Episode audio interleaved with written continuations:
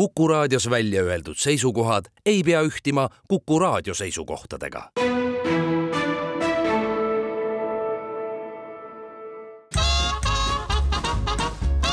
jäljed gloobusel tervist! viimast korda juulikuu jooksul saavad teile öelda Jäljak gloobusel stuudiost äh, tere, Andres Karu, Väino Laisaar ja meie külaline Raivo Plumer. just ja Raivoga on selline lugu, et kes sattus nüüd järgi kuulama või esmakordselt kuulama seda saadet, siis igaks juhuks eh, olgu siin ära öeldud tõe huvides, et enne selle saate kuulamist tasub ära kuulata ka eelmine saade, sest seal me lahkasime siis selle vana aja eh, matkavarustust, mäematkavarustust, mis siis tegelikult annab kerge tooni ka tänase saate teemadele. absoluutselt on ennast lihtsam kurssi viia, kui te nädalatagusest kahekümnenda juuli saadet järgi kuulate. täpsuse huvides äh, me lindistasime selle saate nüüd ette. kas Raivo äh, sel hetkel, kui kahekümne seitsmendal juulil läheb see saade eetrisse, sa oled tõenäoliselt hoopis Austraalias? jah Äh, plaani järgi igal juhul jah. Väga hea, siis äh, noh te, tervitused sulle siis äh, nagu kuidagi nagu kummaliselt nagu ette sinna Austraaliasse juba praegu ka. aga ja... kuna sa ei ole ainult mägironija, siis sinna sa lähed ikkagi sellise nagu vähe laugema plaaniga. jah, maastik ise on ka laugem, nii et seal mingeid kõrgeid tippe plaanis ei ole mm. -hmm. kõrgeid tippe ei saagi plaanis olla, sest Austraalia kõrgem tipp Kotšiusko on ju kaks tuhat kakssada ja midagi taolist jah. jah, ja selline mõne tunniga tõustab, aga see selleks, me hüppame tagasi aastasse tuhat üheksasada üheksakümmend, kui veel oli Eesti pinnal veel Eesti NSV, oli alles veel suur Nõukogude Liit, kõik protsessid juba käisid täie hooga, aga Eesti kõvemad mägimatkajad ei lasknud ennast heidutada segastest aegadest, kogusid äh, aasta jooksul ja naturaalkaubanduse käigus siis vahetasid endale vajalikke asju, mis nad talongide eest olid saanud ja otsustasid, et tuleb teha aastal üheksakümmend kõigepealt siis üks ekspeditsioon äh, praeguse nimega Kõrgõzstani siis, eks ole jah. kas selleks ajaks oli juba need vajalikud load olemas, kui me siin eelmine kord rääkisime seda, et oli vaja neid mingisuguseid tasemetöid teha, et sa võisid minna nii kõrgele, kas äh, siis oli juba märkmikusse see tempel sisse löödud? Eh, tähendab, me ajasime ikkagi tollal ka mingeid, eh, seal on, tähendab, me ronisime otsa Tadžiki poole pealt. Nii et ja lõpetasime Kirgiisi poole peal, nii et see Pamiri ahelik kus on siis see Lenini mäetipp ja Estonia mäetipp, need asuvad siis täpselt piiri peal. aga see oli siis niimoodi, et te ikkagi nagu, ma sain aru, et te alguses läksite rongiga umbes Moskvasse või Piterisse, eks ole, ja sealt lendasite tegelikult Kirgiisi territooriumile Oši, aga sealt siis läksite omakorda Tadžiki poolele, jah? ja, ja sealt hakkasite siis matkama. no ja. me varustusest veidi rääkisime, mis teil üldse nagu silme ees oli, mis te siis äh, korda saata tahtsite meie grupi juht oli Tõivo Sarmet ka üks väga legendaarne kuru, nüüd äh, kuju, äh, nüüd kahjuks ka manalamees juba. ja noh, ta oli üks selline mm, heas mõttes hull ideede generaator. ja ta oli siis Nõukogude Liidu ajal, no see oli ka veel Nõukogude Liidu aeg, aga siis seitsmekümnendate lõpus, kaheksakümnendatel juba päris hulga keerulisi matku teinud ja tõusnud äh, matka käigus kõrgeimale kurule, kus eestlased üldse olid käinud, see oli siis Umar Hayami kuru natuke üle kuue tuhande, mis kõvasti ületas vaat seda piiri, millest ma ennem rääkisin, see viis tuhat viissada, kus ei tohtinud kõrgemale minna, aga ta oli ka selgeks saanud, et äh, või noh, oli näha, et Nõukogude Liit mureneb. Ja tal oli kohe hammas verel, et äh, pürgida sinna, kus sinnamaani ainult lubati alpiniste ja tegelikult tal aastal kaheksakümmend üheksa, siis ta hakkas nagu seda tõsiselt murdma ja tal õnnestus käia eh, siis Tianshanis eh, ja tõusta Hante-Engri mäetipule. mis on siis hetkel Kasahstani territooriumil olev Kasahstani kõrgem tipp? Eh, Hante-Engri peaks, kas ta ei ja, ikka, äkki sul on parem info? jaa, Kasahstani territooriumile ta jääb jah. mitte Kirgiisi? ei, Kasahstani jah. aa, okei okay jah, ja, ja tollal oli niimoodi, et äh, tal oli plaan sinna tippu minna, aga ta kindlalt ei teadnud, kas lubatakse või ei lubata. ja no ametlikult ei oleks lubatud, aga ta kohtus seal ühe äh, Nõukogude Liidu Everesti mehega, kes oli tollal laagri ülem, too ütles külma rahuga, kui te juba siin olete, minge proovige, poisid, ja siis tema ja Poopu Paul olid siis esimesed matkajad, kes siis tõusid Ant-Engrile matka käigus, sest nad läksid mitte helikopteriga ei lennanud sinna piirkonda sisse, vaid läksid siis matkasid mööda liustikke ja orge sealt. nii et äh, ja, ja temal oli siis nii-öelda hammas verel ja, ja tollal ei loetud Ant-Engrit seitsmetuhandeliseks, ta oli viis meetrit madalam. just ja siis Tõivol oli kange tahtmine, et nüüd peab seitsme tuhandesega tegema ja ta valis selleks Lenini tipu, mis on Nõukogude Liidu kõrguselt kolmas või noh, oli siis Nõukogude Liidu kõrguselt kolmas. Ja kuna seal kõrval asub ka Estonia mäe tipp, seal lähedal linnulennult on vahe noh, mingi kaksteist kilti äkki, siis ta võttis need mõlemad plaani. ütleme siis äh, kuulajale ära, et Estonia mäetipu äh, esma Äh, vallu, seda võib vallutuseks siis nimetada, tegid ka omal ajal eestlased, on ju, ja tema kõrgus oli kuskil kuus tuhat kakssada üksteist meetrit. kuus tuhat kakssada üksteist meetrit, jah, just. ja see ekspeditsioon toimus aastal tuhat üheksasada kuuskümmend ja see oli no ütle, üldse eestlaste esimene kuuetuhandene mägi, kus siis selline suurem ekspeditsioon tehti. ja tollal oli huvitav, et see oli tegelikult, taheti teha Balti ühisekspeditsioon Äh, kus siis iga Balti riik tahtis teha omanimelise tipu, aga kuna leedukatega aastal äh, viiskümmend üheksa juhtus suur õnnetus ja kolm nende parimat alpinisti said surma, siis jäid ainult Eesti ja Läti ja siis valiti Pamiris välja kaks tippu, mis olid seni käimata, äh, kuuetuhandesed, ja loosiga tõmmati siis kumba saavad eestlased, kumba saavad lätlased, kõrvuti mäed ühe kõrgus oli kuus tuhat kakssada üksteist, teisel oli kuus tuhat kakssada kaheksateist. Ja Aha. lätlased olid üliõnnelikud, et nemad said selle kõrgema. kusjuures see on ju väga heas tasakaalus, sest seitse meetrit äh, äh, kõrgema said lätlased, aga päriselt ju Munamäe ja nende kõrgema Kaisinkalsi äh, vahe on no uute mõõtmiste järgi viis meetrit jälle meie kasuks nii et siis on ja. tasakaal on maailmas olemas. jah, ja, ja noh, Tõival oligi siis kohe plaan, et kui minna, siis tuleb mõlemat teha ja kuna tal eh, varasem punt eh, hakkas juba nagu laiali lagunema või ta ei leidnud enam mehi, kes tahtsid punti tulla, siis ta noh, otsis ka nooremaid mehi, nii et mina ja, ja Raimond Saks siis olime need uued, kes siis oma ta noh, nii-öelda katseliselt uude punti või no esmakordselt punti võttis ja ütles, et et noh, ega ta me, muus mõttes meie peale ei looda, aga noh, et me vähemalt jaksame kotti kanda ehk milline see ettevalmistusperiood üldse on sellisel äh, matkal, noh, teie läksite sinna täiesti esimest korda, on ju, ja, ja, ja nagu sa ütlesid, võeti teid kaasa siis pigem nagu kotti tassima, et mitte, mitte väga suurte lootustega ma nüüd täpselt ei mäleta, millal see Tõivo mulle selle pakkumise tegi.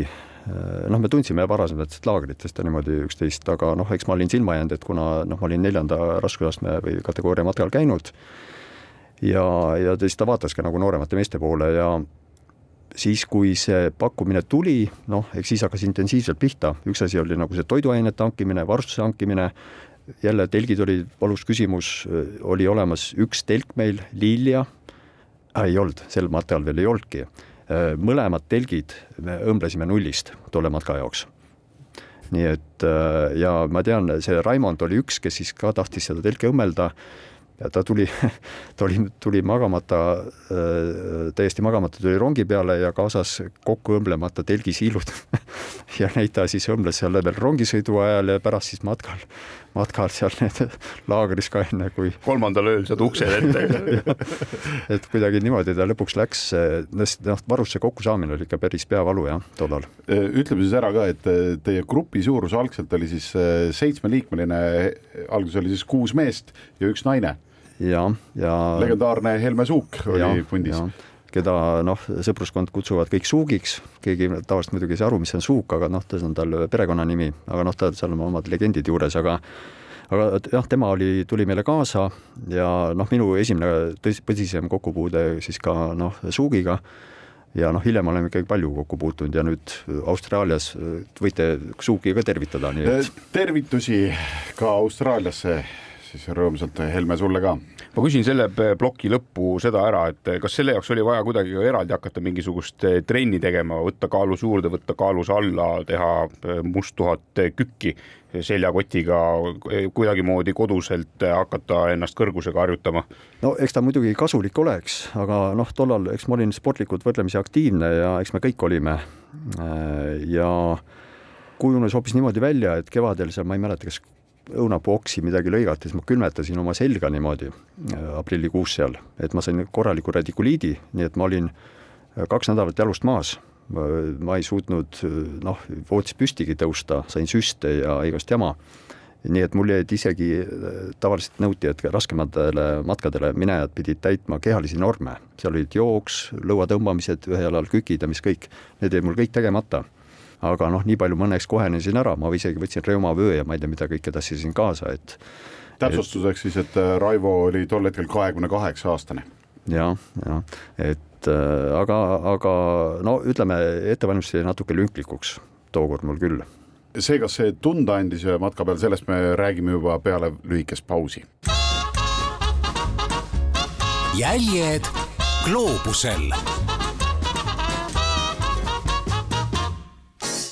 Tere tulemast tagasi, Jäljak gloobusel äh, on täna kolmeliikmeline, Väino Laisaar, Andres Karu ja teist saadet järjest meie külaline Raivo Plumer, me hüppame temaga koos natukene ajalukku ja vaatame, kuidas seal üheksakümnendate täiesti alguses oli veel tolleaegse Nõukogude Liidu tingimustes võimalik matkata.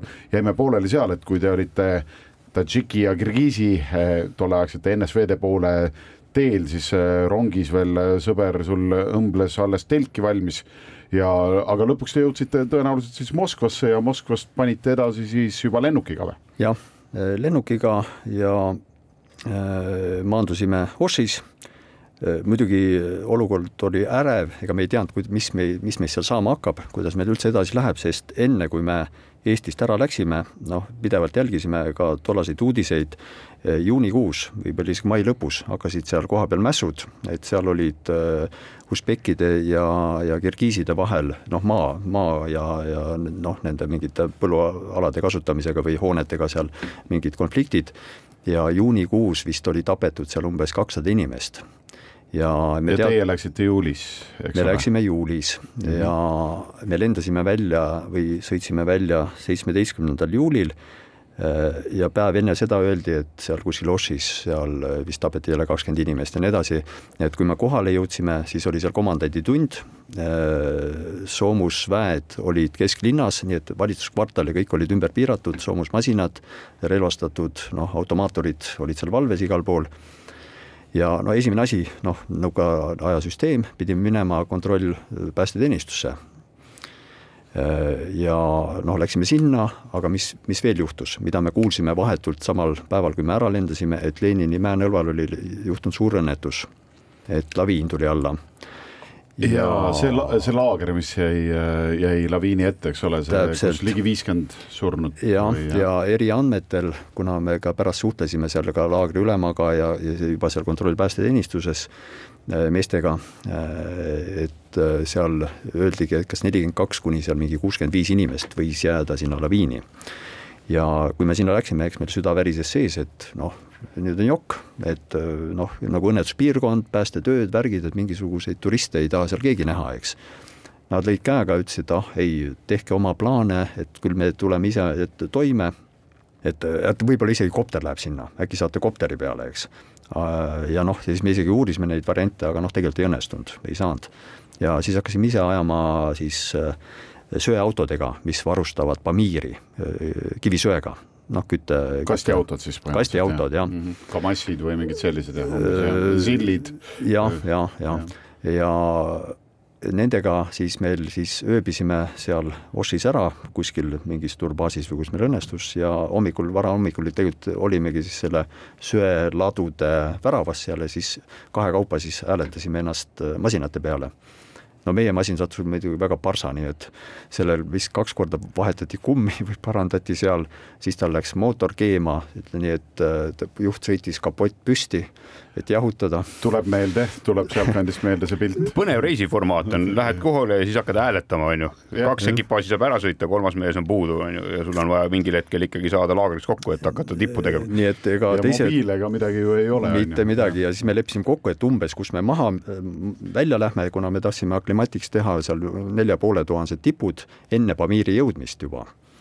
Ja siis oligi niimoodi, et juba kolm tundi ootavad seal, poisse pole kuskil, eks, noh, me sõitsime seda mingit äh, neljasadat kilti, me sõitsime tublisti üle kümne tunni, eks.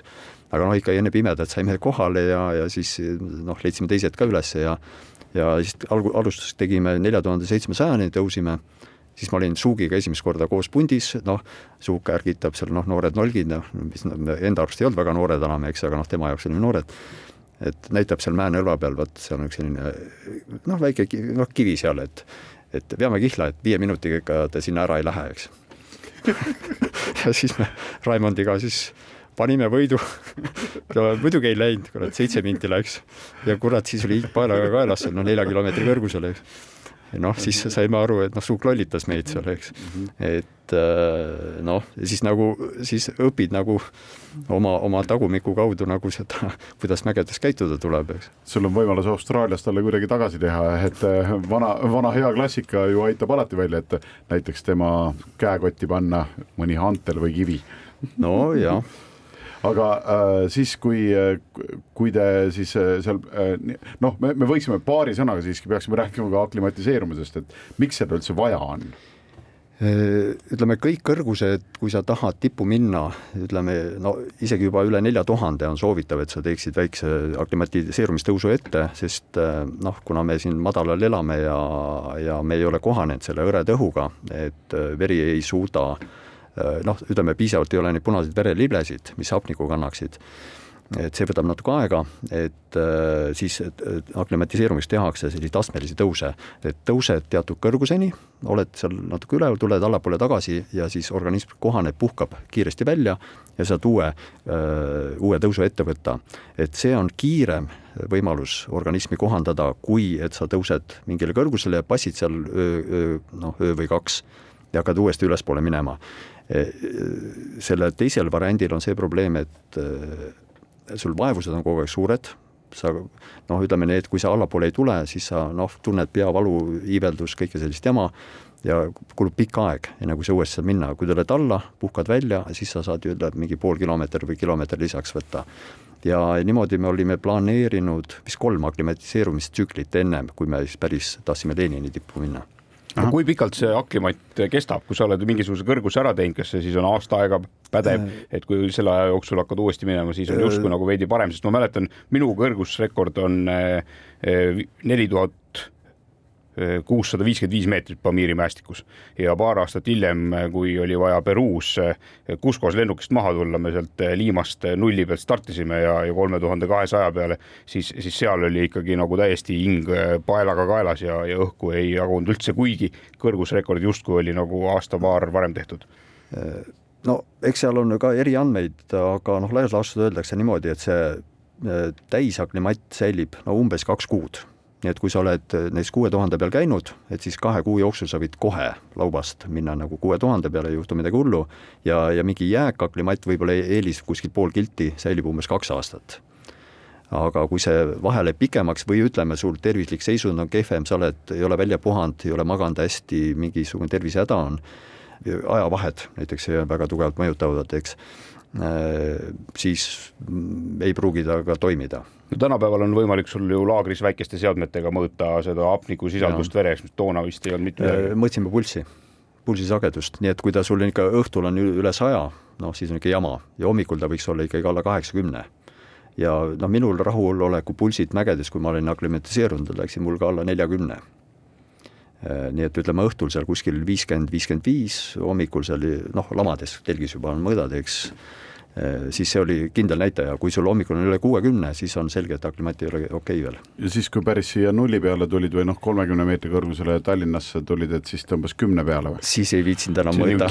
süda ütles, et ah, ma ei viitsi enam. siis ei viitsinud enam mõõta, ei teagi ausalt öeldes hästi, kui te lõpuks samm, teie eesmärk siis oli nagu täitsa võtta need neljakümne kaheksa kilosed seljakotid selga tookord ja siis sammuda mõnuga siis kuni tippude alla ja tippudes nii-öelda käia tippude otsas ära suure seljakotiga või?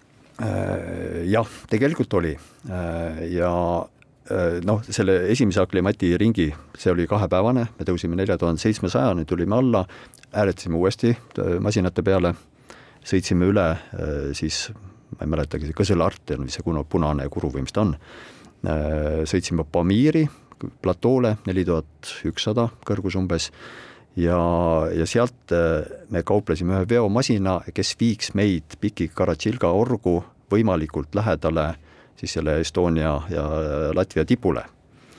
Äh, saime piirituse ees, seal kauplesime, näitasime vennale, et vot, saad sellise värgi ja nii edasi, noh, ilusti keerasime, sõitsime läbi Markansuu kõrbe, noh, selline liivakõrb ja kivikõrb seal vaheldumisi ja üksteist kilti saime sõidetud, siis näitab, noh, oli vaja laskuda Karatšilga olgu, siis ma ei tea, kus see vend meid viis, näitab, et no vot näed, et siin ma ei saa teid enam edasi viia, et noh, nõlv on väga järsk, liivane, et alla jõe orgu, et ma ei saa pärast enam üles, eks.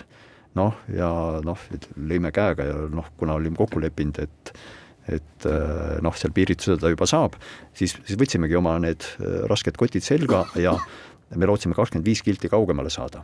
nii et tegelikult me astusime kaks päeva, eh, roputööd tegime, et oma neid kotte tassida nagu sinna põhiorgu, kus me nagu matka algul alustada tahtsime. ja siis algas matk. siis algas matk, jah ja. Ja kui me saime no ütleme, selle varustuse juba maha panna ja siis tegime esimese aklimati ringi või ütleme, teise nädalase sellise kuue-seitsmepäevase üle viie tuhande viiesajase kuru siis oli, tundsime juba naudingut, sest kott oli juba alla kolmekümne kilo hmm. tolle ringi peale, eks. Ja kui me selle nädalase ringi tegime ära, noh, meil olid köied, värgid kaasas, noh, see andis nagu selle raskuse, siis me võtsime uuesti jälle iga mees seal mingi kümmekond kilo lisaks ja siis hakkasime järgmisele ringile minema. järgmisest ringist räägime pärast järgmist pausi. jäljed gloobusel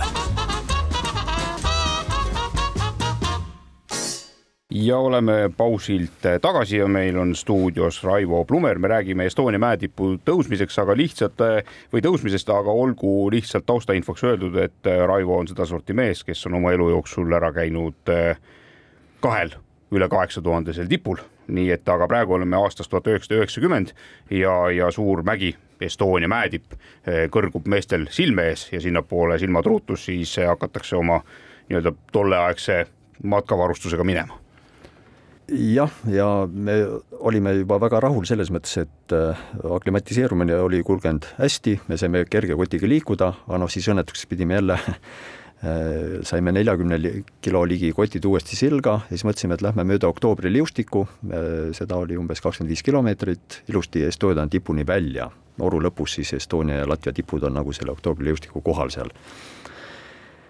ja ja me olime lugenud ka esmatõusjate infot, nad tõusid aastal tuhat üheksasada kuuskümmend, noh, kui Eesti ja Läti tippudel käidi ja siis me lugesime kirjeldused, noh, käisid, panid ühe laagri sellele kõrgusele, järgmisele sellele, no mõtlesime, noh, mis see on, krõbinal lähme. aga mis meid ees ootas, oli hakli ja mass et et äh, nii metsikut liustikut ei olnud ma ennem ega ka ei ole hiljem näinud äh,, kus äh, noh, me takkajärgi arvame, et see liustik oli ilmselt pulseerunud, et mingi külgliustik või midagi oli talle peale jõuga sõitnud ja oli purustanud täielikult selle liustiku jääkeha ja see päevateekond või me mõtlesime, et noh, kolme päevaga me oleme ilusti see kakskümmend viis kilti, me oleme ilusti siis seal tipu all või noh, tipu juures võib-olla isegi ära tehtud, eks. noh, kõrgus kuus tuhat kakssada, noh nelja, nelja kahe pealt noh, kilo, kaks kilti tõusu ei ole üldse nii hull. me läksime sinna seitse päeva ja, ja see, see liustik, mis meid ees ootas, oli ikka jubedus ja seal oli vist kaks päeva, kus me liikusime, olime kümme tundi teel neist enamus olime luures, et üldse leida sealt jäämassi labürindist mingit läbipääsu.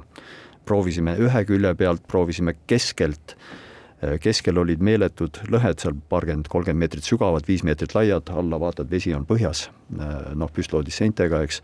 serva poole lähed, olid äh, nagu vajumisest või kuidagi noh, pööratud täiesti kamakad segimi, sellised kümne-viieteistmeetrised jääkamakad. nii et äh, kahel, mõlemal päeval kümme tundi liikudes me suutsime läbida noh, joont mööda umbes kaks kilti mõlemal päeval ja, ja noh, niimoodi me seal mässasime.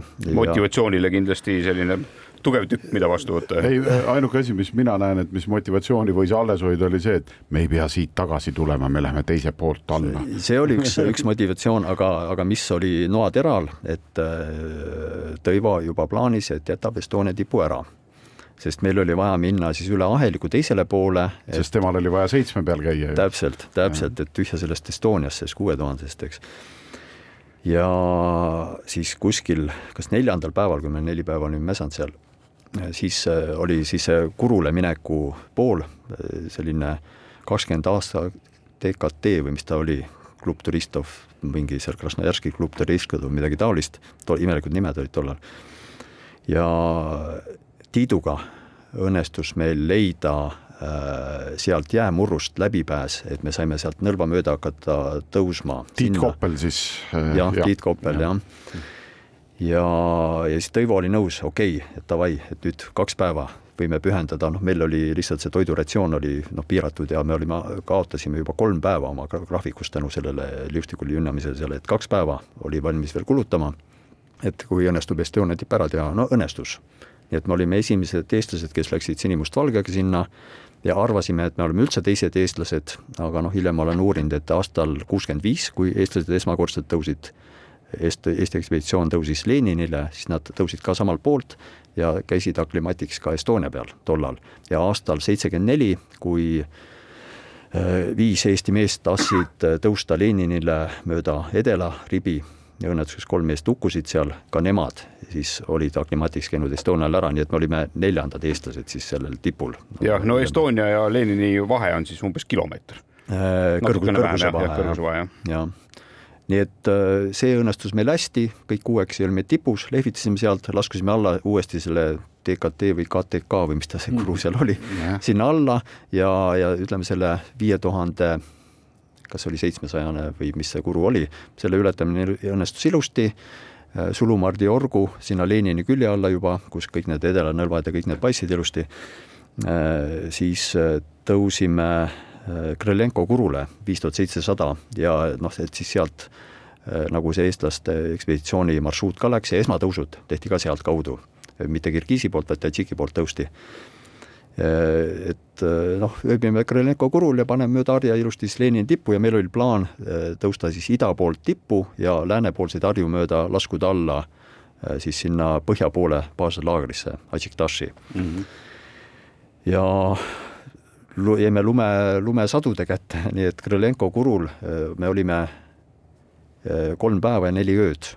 selle ajaga sadas maha meeter lund, nii et meil telgid noh, kadusid telgiharjad või enda õmmeldud telgid olid noh, lumehangedega tasa. Ja, ja tuulevaikne oli seal. ja tuulevaikne oli ja, ja soe oli, aga enam süüa ei olnud, nii et ratsiooni me tõmbasime kahe korra peale päevas, hommikul-õhtul ja, ja siis ka no ega kütust ka väga ei olnud. Et siis päeval üritasime isegi nende kilekottidega seal lund sulatada päikse käes ja kui ta kumas, aga no nähtavust ei olnud, noh, mägedes ilma nähtavuseta sa ei liigu mitte kuskile ma teen korra ühe tagasihüppe sinna Estonia mäetippu ikkagi, et kas mis seal on, mis sellele Estonia olemusele viitab, on see täis mingisugust rahvusromantilist sümboolikat, et kui keegi lihtsalt satub sinna, siis ta vaatab, oo, näe, et, et eestlastega eh, seotud koht ja Estonia mäetipp või, või mis seal on?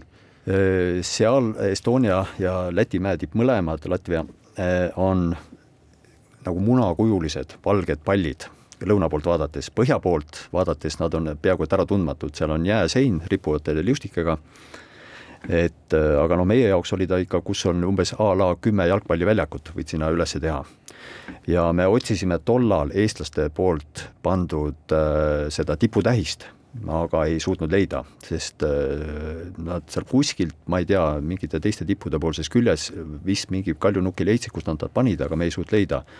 ja ma tõenäoliselt olen nüüd ainuke eestlane, kes on käinud kaks korda Estonia tipus, nii et äh, kui Eesti sada kaks tuhat kaheksateist oli, siis käisin seal uuesti ja otsisime ka siis ja ei suutnud leida kaks tuhat kaheksateist sa olid ise ju ka juhina, jah? ja, ja, ja, nii et tollal, siis me käisime kümnekesi üleval ja siis aga hüppame tagasi aastasse üheksakümmend, siis äh, ülesminek äh, Lenini peale, kuidas see üldse välja nägi, kas äh, pärast lumesadu, kas lumesadu jäi siis ühel hetkel järgi? jäi järgi ja perfektne ilm, täiesti pilvitu, tuulevaikne, ainult et lähed sisse, oled vööni lumes ja me hakkasime siis seda Lenini idaharja mööda siis tõusma, sest meil oli, et üldse välja saada, me pidime tõusma vähemalt kuue tuhande viiesajani, et oleks võimalik põhja poole laskuda.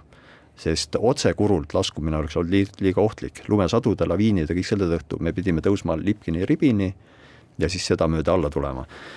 Ja noh, see tavapärane ühepäevane marsruut, noh seda me muidugi läbisime kaks päeva, nii et kaks meest läksid ees äh,, sumasid noh, tõmbasid keppidega äh, endale ja kirkaga enda alla seda lund, sõtkusid põlvedega natuke kõvemaks ja noh, suutsid mingi kakskümmend meetrit teha, astusid kõrvale ja siis alles kolmas mees tuli kotiga. no mis õnneks oli juba tollal noh, juba kolmekümne kilo kandis ainult või vähem isegi, eks.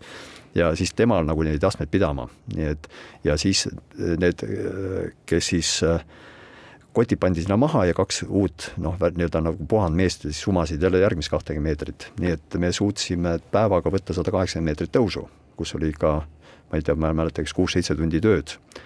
ja teisel päeval eh, tulid meile üle üheksa päeva esimesed inimesed vastu, kes tulid ülevalt Lipkini ribi poolt ja laskusid raja sisse nii-öelda ja nüüd me olime väga õnnelikud, et meil oli juba tranšee oli ees. eks nemad ka vot, me isegi suhtlesime, ma enam nüansse ei mäleta, et ega nad istusid samamoodi tormivangis kuskil kõrgemal, jah? ja ei, ma mõtlen, et neil oli ka teie tehtud rada mööda no, natuke parem alla no, minna. alla sa ujud tegelikult. kuigi jah, jah, lund mööda seal mõnusalt suusatad nii-öelda.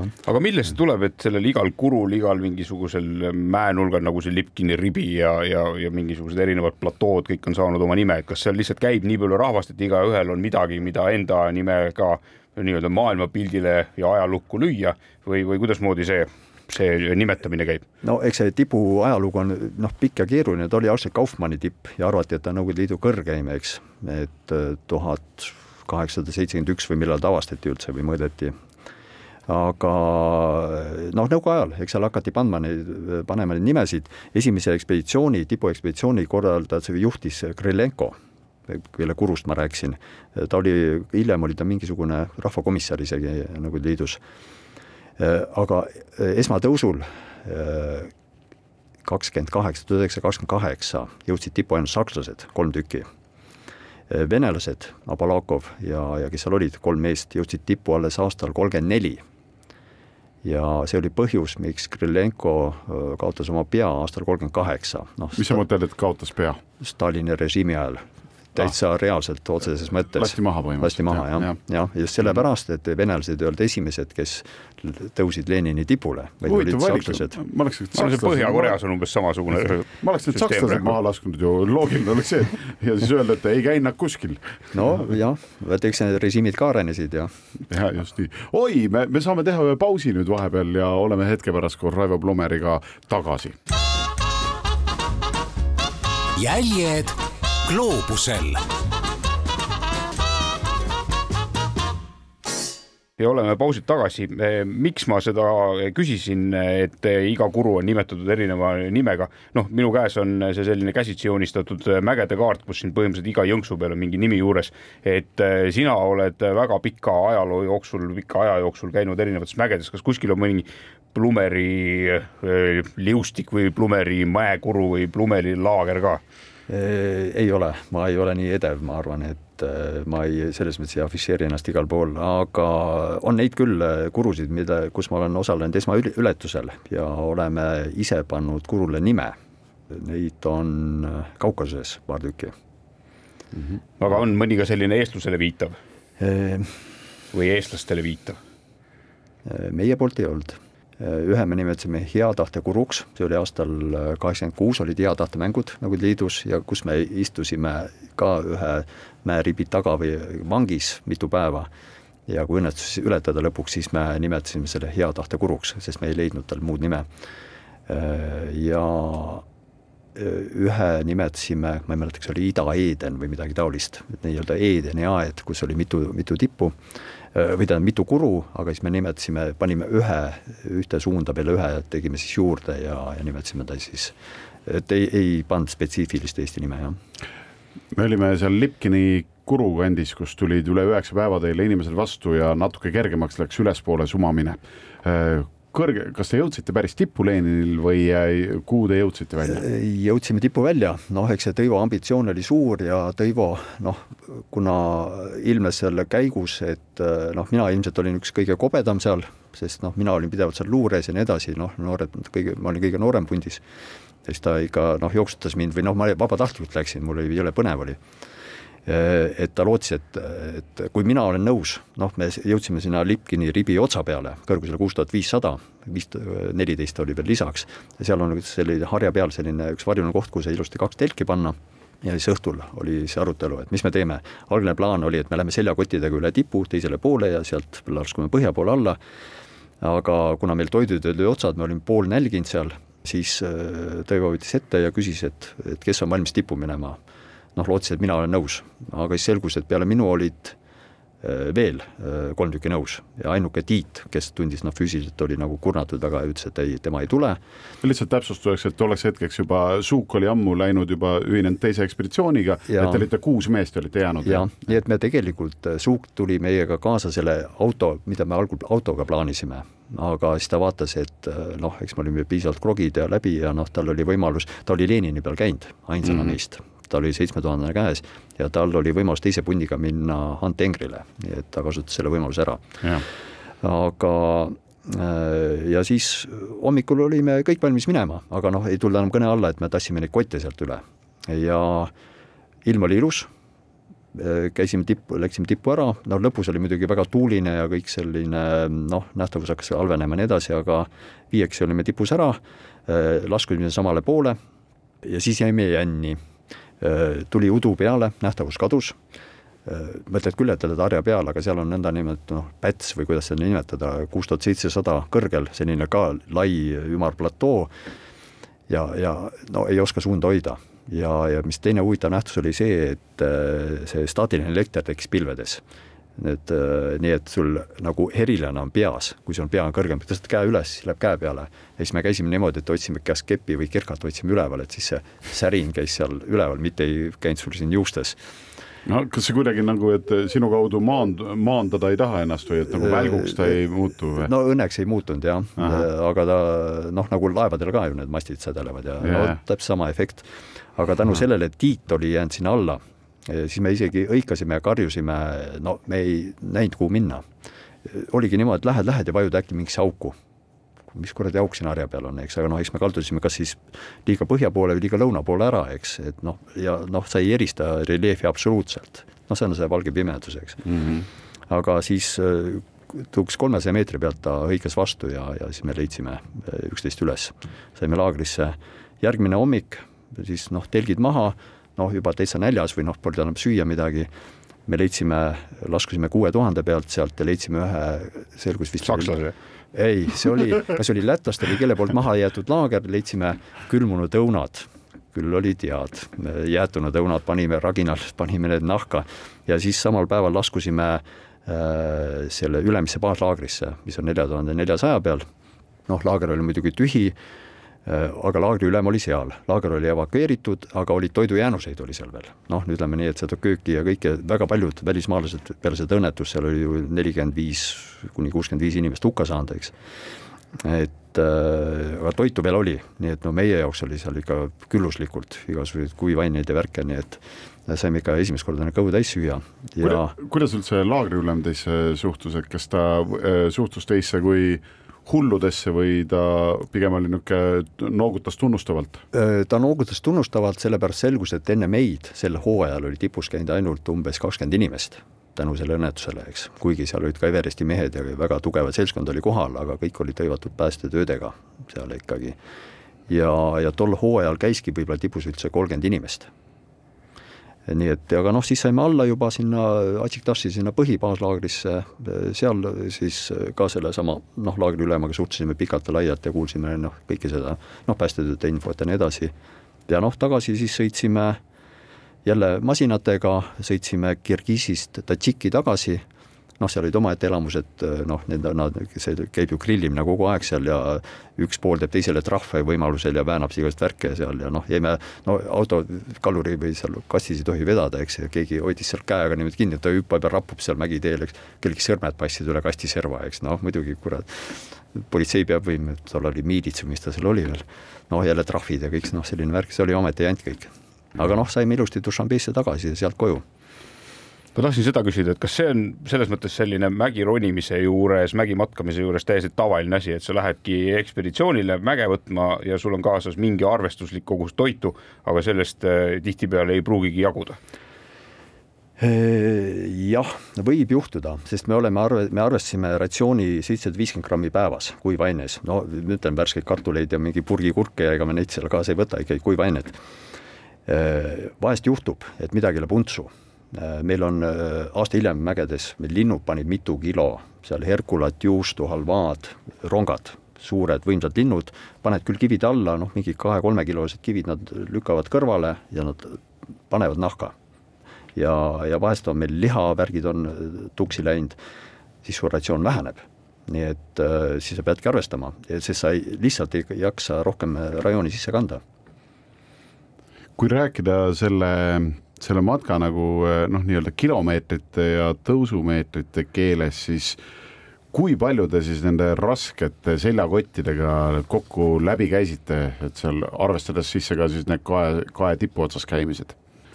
no päeviku järgi eh, läbisime tolle kakssada kakskümmend neli kilomeetrit, see on siis ja käigupäevi oli vist eh, kakskümmend viis nii et meil oli need sunnitud puhkepäevad ja üks päris puhkepäev, mis me ise tegime, nii et kolmekümnes päevas siis kakskümmend viis me liikusime ja selle ajaga siis me läbisime jah, kakssada kakskümmend neli kilomeetrit tõusu-laskumist, siin kümme-üksteist kilomeetrit seal selles piires.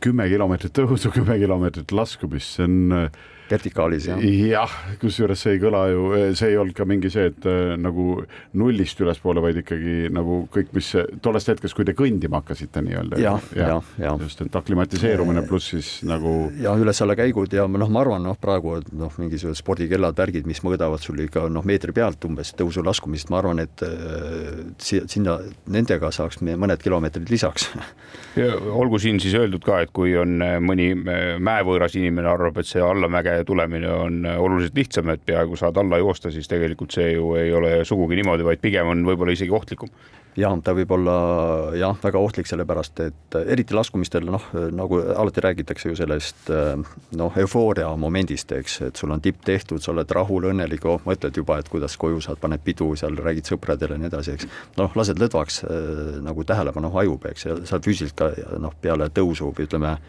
alati, alati õhtupoolelt väsinud ka noh, ka Lenini piirkonnas, seal on ikka väga pikad suured liustikud, eks, ja, ja kui sa astud ka rajalt kõrvale, näiteks kus suvalisse lõhesse võid lennata, eks, ja kuna ka mehed on väga väsinud, siis teatud kohtades noh, me liikusime seongus, kus oli näha, et esimene läheb ees, vaatad, et noh, aimad, et seal liustiku peal kaetud liustik, et lume all võib olla lõhe, eks.